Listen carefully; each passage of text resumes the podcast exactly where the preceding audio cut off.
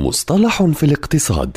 في كل حلقة يطرح المدون وصانع المحتوى الاقتصادي مجدي النوري مصطلحا اقتصاديا محددا بلغة سهلة وبسيطة.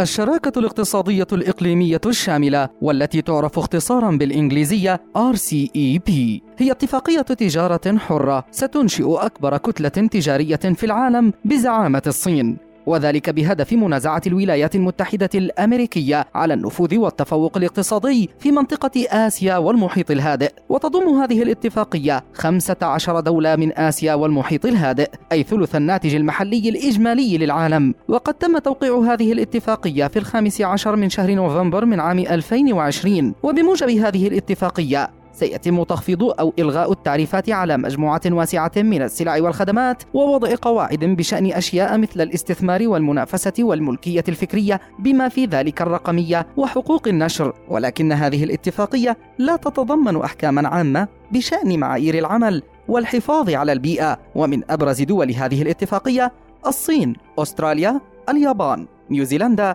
كوريا الجنوبية إضافة إلى احتمالية انضمام الهند.